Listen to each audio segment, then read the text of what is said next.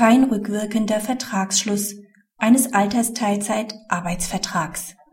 Paragraph 311a BGB erlaubt, ein Angebot anzunehmen, das Vertragsänderungen auch für die Vergangenheit regelt.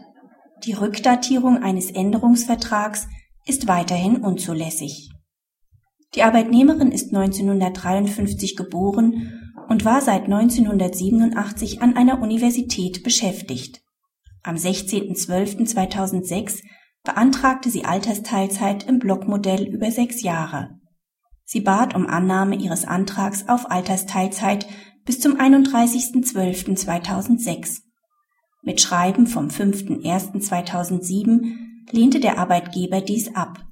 Im Betrieb gilt der Tarifvertrag Altersteilzeit, nachdem Arbeitgeber mit Arbeitnehmern, die das 55. Lebensjahr sowie eine Beschäftigungszeit von fünf Jahren vollendet haben, einen Altersteilzeitvertrag abschließen.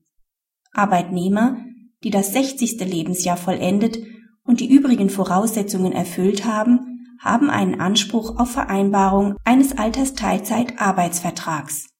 Mit ihrer Klage will die Klägerin eine Willenserklärung des Arbeitgebers erwirken, durch die ihr Antrag auf Altersteilzeit mit Wirkung zum 22.12.2006 angenommen wird. Die Arbeitnehmerin war in allen drei Instanzen erfolglos. Das BAG stellt fest, dass seit Inkrafttreten des Paragraphen 311a BGB auch eine Verurteilung zur Abgabe einer Willenserklärung in Betracht kommt, mit der ein Vertragsangebot angenommen werden soll, das rückwirkend auf eine Vertragsänderung zu einem in der Vergangenheit liegenden Zeitpunkt gerichtet ist. Ein Arbeitsvertrag kann daher mit Wirkung zu einem Datum in der Vergangenheit geändert werden. Nicht möglich ist jedoch eine Rückdatierung des Änderungsvertrags, das heißt ein rückwirkender Vertragsschluss. Genau dies wollte die Arbeitnehmerin jedoch erreichen, wenn sie mit Klageantrag aus dem Jahr 2007 nach 894 Satz 1 ZPO durch das Urteil eine Willenserklärung des Arbeitgebers mit Wirkung zum 22.12.2006 erwirken will.